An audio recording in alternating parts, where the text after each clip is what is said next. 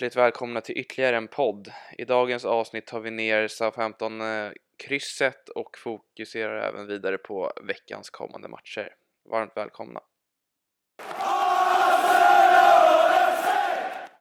Om vi börjar då med att eh, snacka upp lite matchen kring Southampton så var det ju en eh, väldigt, väldigt frustrerande match och vi fortsatte väl lite på den svaga formen som vi visade upp mot Leeds Eh, och matchbilden blev ju också väldigt lik som det var mot Leeds, att vi börjar otroligt starkt. Vi har total dominans och kommentatorerna nämnde ju det också att de hade inte ens en touch i vår box på de första tio minuterna, så det såg ju verkligen ut som att vi bara skulle spela av den här matchen och ta tre bekväma poäng. Eh, Xhaka gjorde ju ett 1-0 mål på ett väldigt fint anfall och ja, som sagt, det känns som att nu är det bara ett mål kvar att döda matchen, men Eh, det lyckades vi inte riktigt göra och i andra halvlek så tog ju Southampton över helt under perioder och det kändes som att eh, ett kryss är ändå helt acceptabelt efter insatsen som vi gör. Ja, det brukar ju vara en tuff match för oss på något sätt. Jag vet inte om man ska väga in lite sådana eh, mjukare värden eller liksom lite hokus pokus eh, analyser men vi brukar alltid ha svårt mot SA-15 borta och till och med förlora där. Eh, och vi var ju inne på det förra avsnittet det här med om Arsenal kommer dippa eller inte och sådär. Jag vet inte om man ska kalla det här för en dipp, de här två insatserna mot Leeds och nu mot SA-15 då, då men om det nu är så att det här är en lite mindre svag period så är det ändå väldigt starkt att trots det inte förlora på bortaplan. Och det pratade även Arteta om efter matchen när han blev intervjuad och hade sin presskonferens att eh, ja, sånt här händer, sätter man inte sina chanser då eh, finns ju risken i Premier League att man blir straffad, vilket vi blev, men oavsett så är det väldigt starkt att inte förlora då. För det är en så pass tuff liga och varje lag är ju jättebra. Eh, och ett tydligt exempel på hur pass bra eh, även Southampton är, är att de har en duktig tränare i Hasenhüttel som Johan har ju haft sina verkligen eh, att det har gått upp och ner för honom eh, under tiden han har varit i klubben. Men han har ju ändå sina kvaliteter och det såg man tydligt i och med att han ändrade från 4-4-2 till 4-5-1 relativt tidigt i matchen och eh, gjorde det svårare för oss då. Det blev, eh, det var väl en kombination av att vi tog ledningen och successivt blev lite mera inte försiktiga, men vi slog av lite på takten, eh, såg det ut som i alla fall, och att de gjorde den här formationsändringen för att de tog ju över lite mer, det var inte så att de dominerade spelet men de fick, jag vet inte hur många hörnor det var på raken där i slutet av första halvlek och vi slutade liksom skapa chans på chans och verkligen dominera spelet så att eh, ja, man får väl hylla han lite där att han lyckades eh, liksom bromsa lite på våran galna öppning med formationsbytet. Eh, Sen ska man ju säga ja. det också att det var väl mer liksom vår trubbighet som gjorde att Southampton ens fick en chans i den här matchen än eh, deras egna insats. Även om som du säger Hasselnuttel gjorde det bra och, och bytet av formation förändrade ju matchbilden ganska mycket så var det ju kanske framförallt då Jesus som blev lite, ja syndabock är väl att ta i men om han sätter ett av de två ändå rätt rena målchanserna som han får då är matchen död och, och klar liksom. Um, och det är väl just det som även om han har varit helt otrolig nu i början eh, av sin liksom Arsenal-karriär så är det väl just eh, hans okliniska liksom moment som gör att han inte blir lika bra som de allra bästa anfallarna i världen. Utan det är fortfarande det han saknar lite och det var ju något du och jag liksom sa under matchens gång att det är också något han kan bli bättre på för han är ju fortfarande eh, ung liksom, jag tror han bara är 24. Så det är hårt att kritisera honom för mycket för det men han borde ha dödat matchen, så är det. Det ska man inte liksom skjuta under stolen. Och sen också något som man blev otroligt frustrerad över var ju domarinsatsen och det var inte bara eh, liksom för 25 ja, förlåt. 25. Ja, ja 25. Eh, så ja, exakt domarinsatsen och det var inte bara för att det inte gick i vår favör utan eh, det är bara in, hur inkonsekventa de är som gör att man blir så frustrerad och han tappar ju matchen helt. Man vet inte när det ska bli frispark, man vet inte när eh, någon gör ett regelbrott för det är så olika bedömningar i varje situation. Och i min mening borde vi ha haft i alla fall en straff och man kanske inte ska snacka om att man tjänar ihop till en straff men det var så många situationer i boxen och även utanför boxen där vi blir neddragna, nersparkade och inte får någonting så man blev ju galen och det är ju som folk har sagt på Twitter, det är okej att kritisera och vara frustrerad på domaren även om man inser att vi kanske inte förtjänade mer än ett kryss så ska inte det förändra liksom domarbesluten utan eh, eh man blir bara mer och mer trött på de här engelska domarna varje vecka och mm, jag vet inte om VAR har gjort det bättre eller sämre men det känns ju som att de har gjort det sämre. Ja, vi var inne på det väldigt mycket förra säsongen också, det här med att de inte är konsekventa. Ehm, och det här med VAR, vi pratade om det under matchen också tror jag, att det känns ju som att de tar ju sällan eh, beslut liksom för att de blir räddade av VAR hela tiden om de missar någonting. Så att eh, det känns som att är de inte stensäkra så avvaktar de hela tiden och ett tydligt exempel på det här och frustrationen bland fans är ju bland annat den här straffen som eh, Chelsea fick mot Manchester United som är ja, men den är ju väldigt lik den situationen som Jesus var inblandad i där många ropade på straff för oss i den här matchen, det vill säga att de liksom hålls om verkligen, greppas tag av backen under en längre period och hålls i, alltså med så livtag. Um, och man vet ju inte längre riktigt för att det var ju samma situation med Saka i någon hemmamatch som det var mot Fulham eller Villa i straffområdet. Han också blev typ ja, med samma typ av grepp och typ nerkastad såg det ut som och det blev ingenting. Ja, det var mot Villa där. Jag kommer ihåg när ja. Ming, Mings slet ner i boxen. Ja. ja, och det är så här. Ja, nej, alltså jag blir inte eh, frustrerad längre. I början av VAR-perioden blev man ju det liksom för att man bara, men det där kommer de ju kolla på sen, men så gör de inte det. Men sen i United-matchen så blir det straff och det är så här. Ja, man har ju aldrig någon aning om någonting längre. Eh, alltså det är så här, ja, beroende på domarens subjektiva Eh, upplevelse så, så blir det som det blir liksom. Eh, det känns som att alla har olika böcker med regler i varje match. Och en annan grej som jag såg att någon skrev på Twitter gällande eh, Southamptons högerback eh, Lianco, eh, oklart uttal, men han var ju väldigt hetsig hela matchen och han drog ju någon form av strypgrepp på Enketia tror jag det var och, och sådär och liksom så var det någon som drog upp direkt och jämförde med Xhakas strypgrepp eh, för några säsonger sedan när han fick rött kort och sådär och liksom den här Lianco var även inblandad i enligt någon liksom jag tror han skrev eh, tio olika minuter i matchen där han kunde fått gult kort och han fick ett gult kort eh, så det var ju liksom så här eh,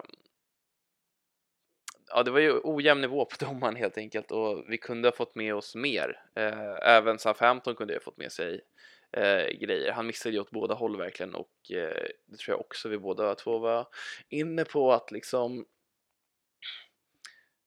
skitsamma, även om, eh, eller ja, domaren är vad den är, vi skulle ha vunnit det här ändå.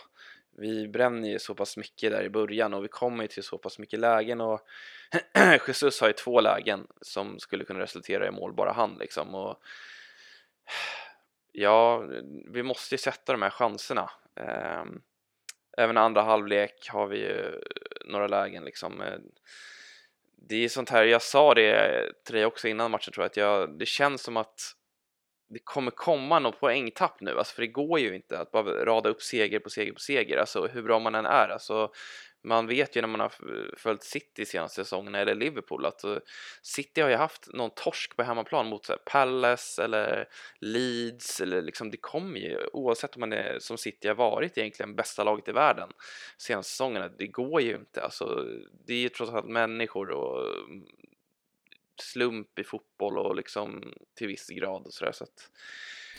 Ja, som vi har sagt och var väldigt tydliga med förra podden och som man har känt hela tiden när folk har håsat upp oss ändå är att vi inte kommer utmana om titeln. Ehm, och det är ju för att sådana här insatser kommer att komma och det känns helt naturligt och helt acceptabelt liksom, när man ser till det stadiet av processen vi är i. För om vi vinner den här, som vi vann mot Leeds, vilket är liksom så här titelvinnande seger känns det som. Ehm, så om vi då skulle vinna en sån här match också och sen fortsätta att vinna, ja då vinner man ju titeln till slut, men vi är inte där än. Um, och precis som vi också var inne på i förra podden så känns det framförallt som att det är truppbredden som liksom skadar oss lite här. Och det är ju dels då som man sitter och känner varje match att att vi saknar Smith Rowe, för han är verkligen någon man kan slänga in i en sån här match, för han tappar inte bollen och han är extremt målfarlig och han är inte någon som bränner lägen, utan han kan snarare göra ett mål från ingenstans. Men istället slänger vi in Eddie som ändå gör ett okej inhopp och sen Viera som gör ja, sin sämsta prestation i en Arsenal-tröja hittills. Och sen ser man ju på resten av truppen eh, att även om det inte liksom är bänkens fel så de som startar verkar ju vara lite trötta både fysiskt men kanske framförallt mentalt också med tanke på att vi spelar match var tredje dag nu.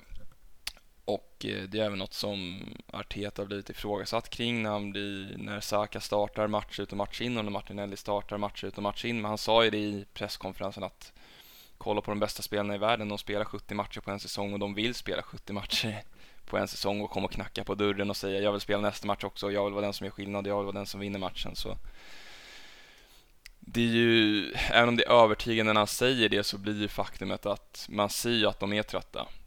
Och framförallt i slutet av matchen ser man ju att vi orkar inte hålla liksom den fysiska prestationen tillräckligt hög. Och även den mentala när vi slår bort liksom passningar som vi ska sätta 10 av 10 gånger bara rakt i gapet på hans 15 spelare och ger dem momentumet i matchen igen. När vi väl börjat bygga upp det i andra halvlek så eh, man själv satt ju och bara kände att fan vilken trött insats vi gör. Eh, fan vilken trött insats domarna gör och liksom man blir bara trött på hela den här omgången så som jag sa till dig, jag är bara glad att vi inte torska för det är så betydligt mycket tyngre mentalt att åka på en torsk. Eh, så jag är ändå nöjd sett till hur matchen såg ut med ett kryss. Även om som sagt man kanske hade önskat på lite mer hjälp från, eh, från domarna. Ja, och som sagt, just det att vi inte torskar är ändå väldigt skönt. Eh, och det känns som att när man har lite mer tid eh, emellan sig och den här matchen så kommer man ju liksom känna det att eh, ja, det är en tuff bortamatch, precis som alla matcher i Premier League och och att då undvika torsken fast man spelar ganska dåligt. Eller första halvlek som sagt, framförallt första halvan av första halvlek spelar vi hur bra som helst och liksom dominerar och liksom med allt, med allt som kommer med det och med allt vad det innebär. Ja, matchen borde ju varit slut där. Ja, ja.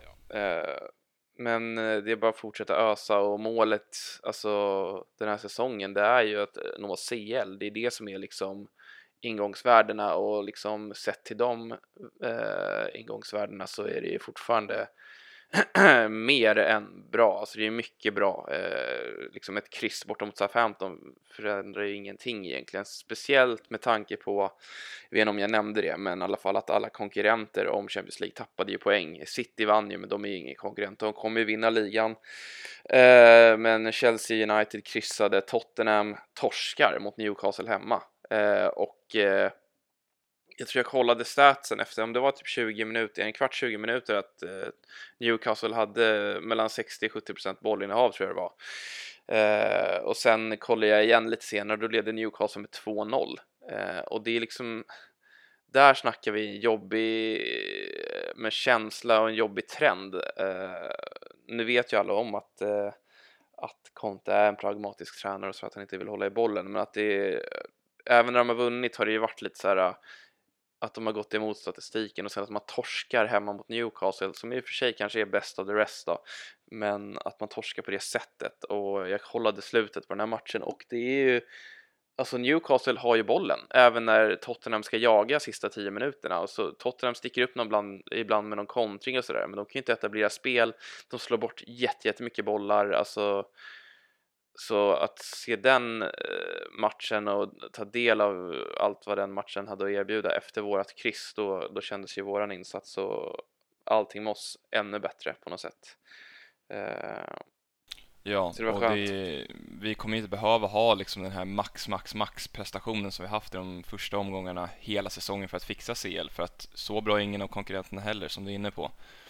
Och sen också att när vi nu är i den här lilla dippen Um, när vi liksom inte har momentumet, när vi inte kanske har turen med oss eller när inte spelare som Jesus sätter sina lägen, när domarna inte är helt hundra, att ändå då gå ifrån Leeds och den här Southampton-matchen med fyra poäng är liksom, det måste man ju vara nöjd med. Och som du säger, när man har fått lite mer perspektiv och ser tillbaks på de här omgångarna om ytterligare några omgångar så kommer man nog vara mer än nöjd Um, och verkligen se det som en, en styrka att vi inte torskade utan snarare att vi lyckades ändå hålla igång liksom poänginkomsterna när resten av konkurrenterna tappade.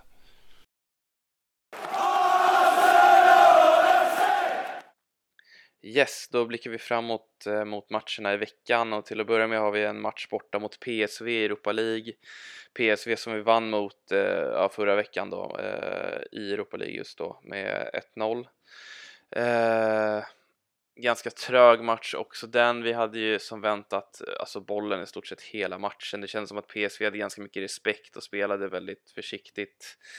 Ehm, men det var just det liksom lite att eh, ja, men som det kunde, kunde se ut lite tyvärr i början av Artetas sejour, tänkte jag på när jag såg matchen. Alltså den här, eh, eller hans första riktiga säsong kanske var när William och, och boysen lirade ett vi hade ganska mycket boll men det såg inte så himla farligt ut utan det var mycket cirkulation och inte så mycket lägen och så. Det kändes aldrig riktigt som att det blev så här jätte, jättefarligt eller som att ah, nu blir det mål när som helst där utan det var ganska mycket possession. Eh, och det som kanske var tråkigast här, eh, som vi var inne på även förra avsnittet tror jag, det var ju med eh, gällande Viera. Eh, för han lirade ju och det känns som att han som sagt, han är väldigt ojämn i, under matcherna och det känns som att eh, han måste komma in i rätt momentum och få bollen i rätt situationer för att han ska bli eh, liksom ja, men nästan värd att spela. Han är ju fortfarande ung och han kommer hitta en jämnhet och eh, han är ju fortfarande helt färsk i laget och allting så att såklart är det svårt.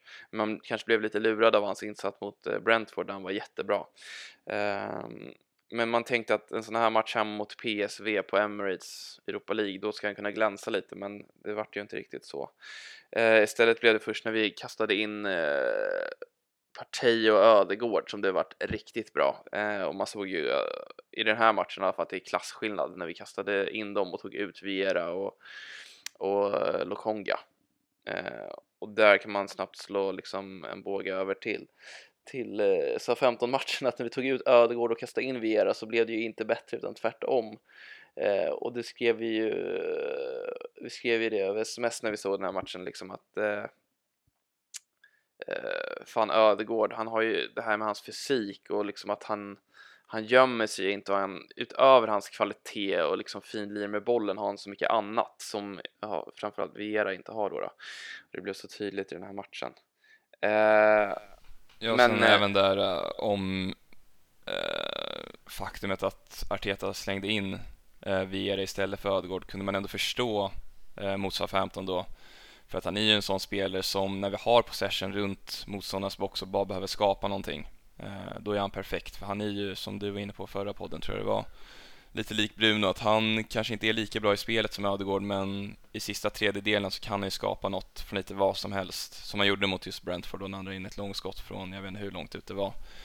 Så man fattar ju ändå varför Arteta slängde in honom. Sen, ja, gjorde han ju en ganska svag insats och kom inte in i det alls. Ehm, men jag ser gärna att han startar nu igen mot, eh, i returen mot PSV.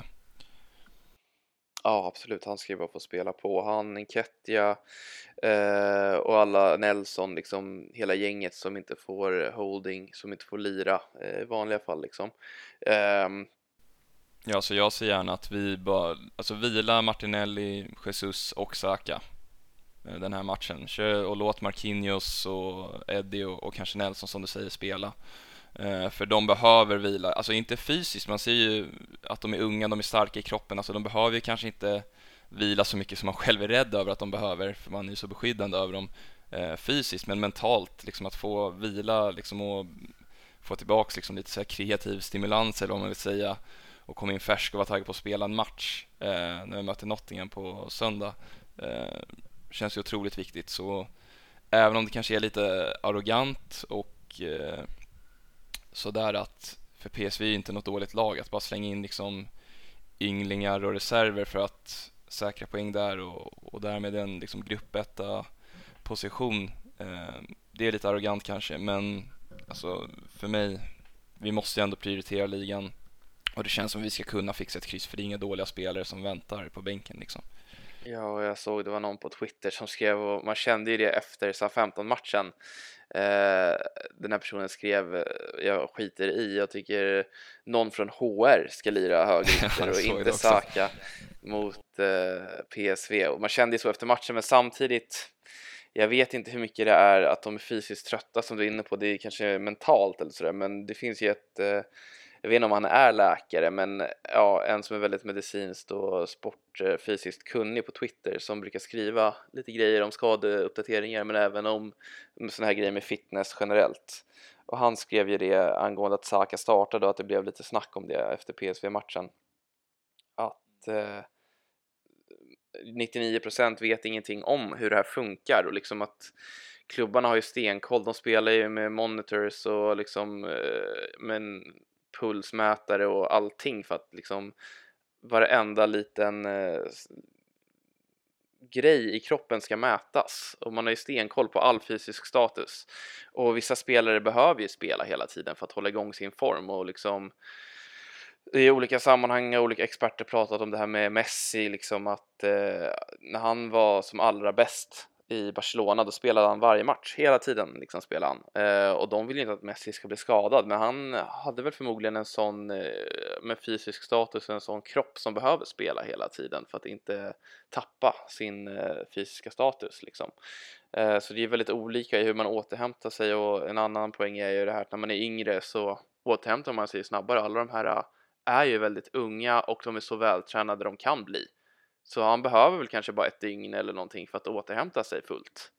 Eh, liksom, vad vet vi? Vi vet ju ingenting så att mot Southampton, det kanske inte var så mycket att de var trötta liksom, utan eh, i så fall mentalt trötta och sen att spelar man match hela tiden så här, det är klart det blir det blir svårt att prestera på max hela tiden.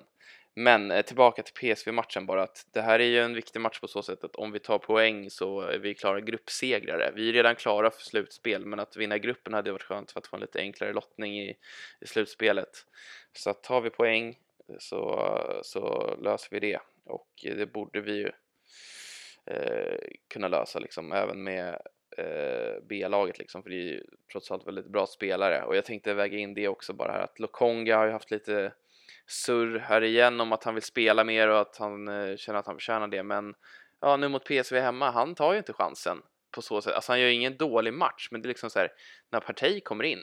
Det är kanske orättvist mot Lokonga eller mot vilken annan mittfältare som helst, men då är det liksom så här. Det är inte lite skillnad, det är enorm skillnad och det, det blir så himla mycket bättre direkt. Eh, liksom så att han får ta och bevisa lite här, känner jag.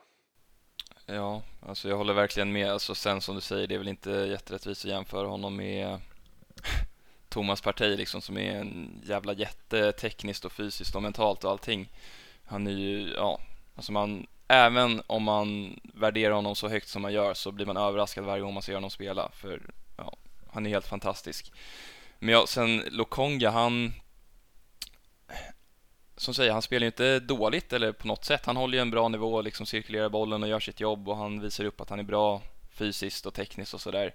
Men när han går ut och gör en sån intervju som han gör och när det ryktas om det han sagt bakom kulisserna att han inte är nöjd med sin speltid och han förstår inte varför han inte får spela och sådär. Ja, då är det fan dags att gå ut och prestera på högsta nivå då och verkligen ta chansen. Men han ser ju lite loj ut ibland. Sen kanske det är bara är hans kroppsspråk, men Ja, jag håller med. Han måste verkligen steppa upp om man ska, eller ja, helst ska jag inte snacka så här överhuvudtaget.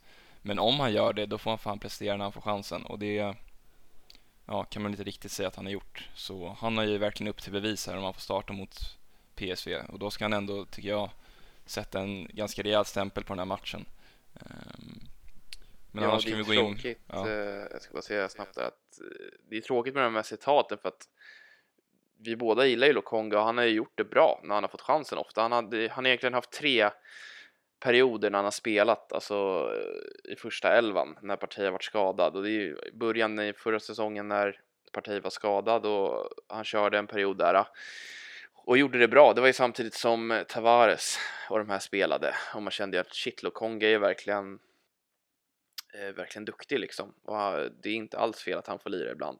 Sen hade han ju den här jävligt tunga perioden när hela laget gick skitdåligt i slutet av förra säsongen när vi då såg det ut som vi brände CL redan då, fast på något mirakulöst sätt så gjorde vi inte det. Men eh, när vi torskade mot Brighton och Southampton och Palace, tror jag det var, de tre raka.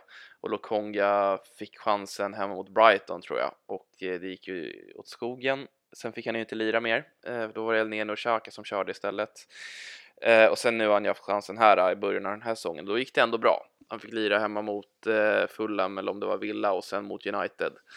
Och eh, då gjorde han det ändå, alltså det var inte så att han gjorde bort sig, det var godkända insatser, absolut. Och vissa delar av matcherna var han jättebra. Så alltså, han är ju bolltrygg, han är ju skicklig och det är kanske främsta delarna i hans spel är ju dels att han är fysisk, liksom lång, stark, ganska snabb, men han har ju också de här fina, verkligen crossbollarna, långa crossbollar som är väldigt liksom, dels pricksäkra, men han liksom verkligen man märker att han har den tryggheten att kunna dra dem och växla kant eller en lång boll i djupet och sådär. Så han är ju, det är ju en fin spelare med en otrolig potential men eh, det här snacket får han ju lägga åt sidan. Ja, man hoppas ju att det inte blir en till Matteo Guendouzi situation att han visar en, liksom, en enormt fin talang och sen är det mentaliteten som gör att han inte lyckas, i alla fall inte i Arsenal. Um, och det var ju också något som visades upp lite i den här dokumentären som vi snackade om i förra avsnittet. När han sitter med, jag tror det är Smith Rowe och Eddie i matsalen på Coney och hänger med huvudet så frågar Eddie bara vad, vad har hänt med dig? Du var alltid så glad när du kom hit och så säger han det Ja, jag får ju inte spela. Då säger Eddie liksom det är helt konfunderad, vad fan tror du att du är den enda som inte spelar? det är liksom stora bredden av truppen som inte spelar. Kolla på Tomiyasu när han var ute för laget. Han, det kom ut ett citat från honom, det var han, jag älskar den här utmaningen, jag kommer göra allt för att ta tillbaka min plats i startelvan. Ja, och nu kommer han in, han får sin chans och han gör det hur bra som helst. Kolla på Holding när han kommer in från bänken, insatserna som han gör. Det är, så här, det är så det är att vara i ett sånt här lag och sen kolla, så kommer det vara för alla spelare i hela truppen till slut om vi ska ta oss upp på typ Citys nivå. Liksom det är spelare som Foden som sitter på bänken vissa matcher. Grealish sitter på bänken vissa matcher. Mahrez sitter på bänken vissa matcher. Det är bara att acceptera det, att det här är ett, det är ett lag liksom. Och alla måste kämpa för varandra. Eh, Verkligen. Och Tierney hade ju också ganska fina citat här gällande att han har spelat lite mindre. Eh, sen, eh, men också bara Eddie i den situationen som pratar med Lokonge. Kolla hur jävla bra han gör det. När han gör sitt inhopp nu hos 15, det är också bra. Han kommer in och bara köttar verkligen. Han, han har ju accepterat sin roll och gör det skitbra. Um, och det är liksom så här, vilka har de framför sig? Ja, Eddie har Gabriel Jesus framför sig och Lokonga har Partey framför sig. Ja, det är liksom om du ska ta dig förbi dem, då funkar det inte att gnälla liksom. Och det har ju Eddie insett. Men Lokonga, jag vet inte, det känns som att det är lite skev inställning där faktiskt. Om han tror att han ska peta parti liksom. Ja, då ska du, då är det ju Jack Wilshere-insats mot Barcelona du måste göra i så fall. Liksom. Det händer ja. ju inte. Nej. Och sen, det är ju typ en intervju som har fått hela Twitter att liksom gå ner i, ett, i en ond spiral kring Lokonga, så man ska inte dra för slu, stora slutsatser för ja, citat kan ju tas ur kontext och de dramatiseras och sådär så vi ska inte kasta Lukongo under bussen. Eh, han kanske vänder på det här helt, men det är frustrerande och man får ju hoppas att liksom, de här citaten får ett slut och att han bara börjar prestera på planen istället. Ja, det kan jag bara väga in där också. Att det var ju samma med faktiskt Eddie som jag hyllade nu. Han hade ju lite så här citat eh, i slutet av förra säsongen när alla trodde att han skulle lämna innan han skrev på nytt kontrakt. Eh, när han sa det, jag får inte spela. Han bara, om jag bara får spela 10 minuter här och där, då kommer jag aldrig kunna göra mål eller visa vad jag går för. Eh, och sen vände hela hans situation och nu känns ju han given i det här bygget på sikt och alla älskar att han är kvar och jag tror han älskar sin roll i det också, att han är ung. han kommer kanske kunna bli en startman i Arsenal på sikt som ytter eller som striker, det får vi se, men han har ju Eh, potentialen liksom. Så att som du säger, det kan ju vända snabbt och citat kan tas ur kontext och framförallt får ju sådana här citat sån jävla spridning eh, sjukt snabbt eh, och folk älskar ju att hata så att eh, vi får inte döma utanför vårt här. Eh, men då kliver vi in på på Nottingham-matchen också för att avsluta lite på söndag. Då gäller det ju eh, om man ska säga studsa tillbaks, men här hade det ju varit otroligt skönt med en seger. Um, och det är en seger vi ska kunna ta. Nottingham vann ju i och för sig senast mot Liverpool här, men Liverpool ja, det är väl nästan det oklaraste laget i hela ligan. Vinner mot City och ser ut som sitt gamla jag i stort sett eh, ena helgen och så torskar de mot jumbon i ligan eh, helgen efter.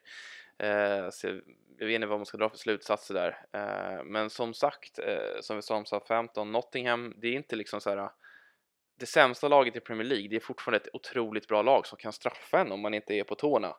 Ehm, de är såklart kompakta, de har ju deras lite konstigaste fakta egentligen är hur många spelare de har värvat inför säsongen. Jag vet inte hur många det var de värvade, men det var ju runt 20 eller fler liksom de värvade. Ehm, eh, bland annat eh, Jesse Lingard och eh, Aurier som spelade i Tottenham ytterbacken, eh, även i PSG liksom. Så det är ett lite konstigt gäng. Ehm, men eh, ja, det är ett lag vi bör kunna slå. Det är helt rätt lag att möta nu. Jag vet inte om, precis som du sa där, att vi ska kalla det liksom att det gäller att studsa tillbaks nu, för det är inte liksom att vi har torskat en match, men att komma tillbaks kanske till den här fina det fina spelet och självförtroendet och självklarheten som vi haft i de andra matcherna. För det är ju som du säger, det är jumbon. Det ska vara tre poäng kollar lite statistik här, vinstchans på Google så är det 80% på Arsenal och 7% på Nottingham. Så oddsen är med oss också. Ehm, de har ju ändå lyckats vinna två matcher så det är inte direkt som ett lag som inte har någon möjlighet. Som du säger, de vann mot Liverpool och det gör man inte på tur utan då ska man göra en bra insats defensivt och offensivt och mentalt och allting så det finns ju som sagt inga lätta matcher i den här ligan och det ser vi omgång efter omgång. Det är alltid något resultat mot något topplag som sticker ut. Inte minst för oss själva då nu mot SA-15 så det är bara hoppas som sagt vi kan vila upp oss lite hyfsat i alla fall på de viktigaste spelarna mot PSV och sen gå och ta tre poäng lite oavsett hur det ser ut mot Nottingham och bara fortsätta att liksom hålla oss som etta i tabellen och, och öka gapet mot, kanske inte City för de kommer ju gå om oss till slut, det känns ganska uppenbart men mot Tottenham och Chelsea och United och kanske till och med mot Newcastle då som också fortsätter att rada upp segrar så det blir ja. en spännande match och en match som vi måste vinna. Kanske ska lägga in Liverpool där också, jag vet inte. De är långt efter nu men det känns som att man inte med tanke på hur bra de har varit eh, under flera års tid här vågar man inte riktigt räkna ut dem. För om det är något lag som kan alltså vinna varenda match härifrån och till slutet så är det ju de. De skulle ju liksom typ kunna göra en sån grej om de kommer igång på riktigt. Och då kommer de ju absolut att blanda sig i. Eh, utöver det så skulle det väl vara fint om Jesus får göra ett mål eller två. Eh, han har ju absolut inte varit dålig. Jag tycker han har varit lika bra nu de här matcherna som innan. Den enda skillnaden är att eh, avsluten inte har gått i mål.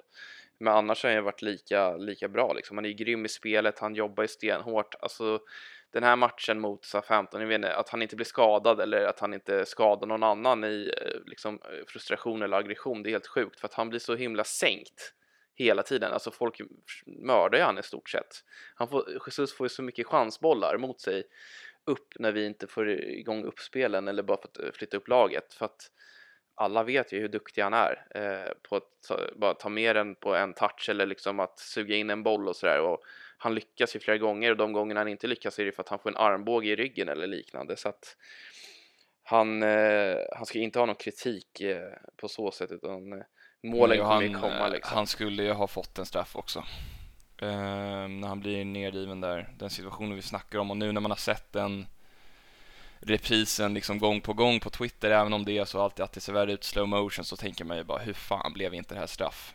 För han är helt fri på mål. Om han inte blir neddragen då gör han mål. Eller ja, i alla fall får ett helt uppenbart friläge. Men han blir neddragen. Och som du säger, han har ju inte sänkt sina nivåer alls liksom tekniskt eller fysiskt. Utan det är bara avsluten som du säger inte liksom har gått hans väg. Ja, och det är och sen, det som är så skönt med honom kontra Lacazette eller Auba. För med Lacazette eller Auba, när, framförallt med Auba men även Lacazette på slutet. Om de inte gjorde mål, då var det så här, varför ska de ens vara på planen? Eh, Auba är verkligen, det såg man nu Chelseas match mot United återigen att ja, han gör ju inga mål och då är det så här, då kan du lika gärna ha en jävla kona på planen. Eh, och Lacazette på slutet, han hade ju inga ben att springa. Han har ju ändå liknande attribut eh, som eh, Jesus på ett sätt, att han är bra taktiskt smart, ganska bra link-up play, spelskicklig. sådär, men eh, några nivåsnäpp neråt, framförallt med sina, eh, sin fysiska status. Liksom. Eh, men det är det liksom med Jesus nu, när han är dålig, då har han ju, eller dålig, när han inte gör mål snarare, så, så har han ju allt det här andra som han gör så bra och hjälper laget med. Så att han ska ju spela oavsett och hyllas oavsett. Han gör ju oss så mycket bättre eh, eh, ändå liksom. Eh, så det är så skönt och man blir ju inte frustrerad på honom. Alltså det är så här. Det är tråkigt att bollen inte går in, men han gör ju så, så mycket annat bra.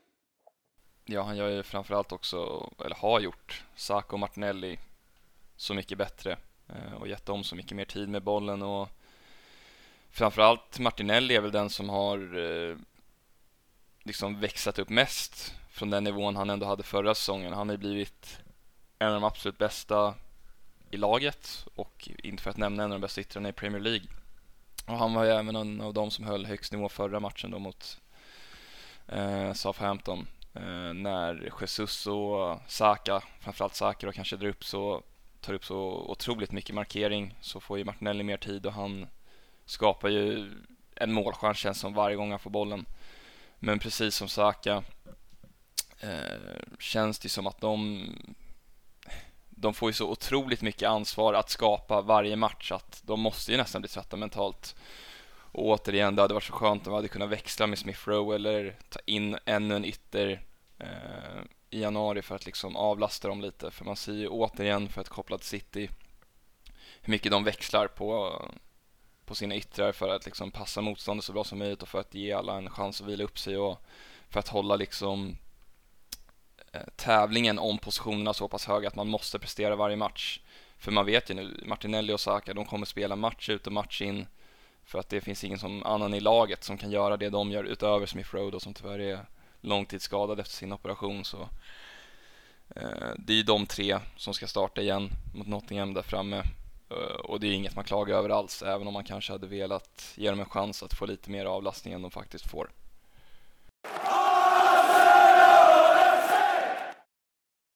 Och där tackar vi för oss för idag. Tack så otroligt mycket som vanligt för eller till alla er som har lyssnat. Um, som vanligt är bara att följa överallt, följa på Spotify eller Apple Podcasts, in och följ Arsenalpodden på Twitter där vi lägger upp alla nya avsnitt och retweetar och gillar och följer lite med resterande av Arsenal Twitter. Och sen hörs vi igen nästa vecka. Yes, tack för idag.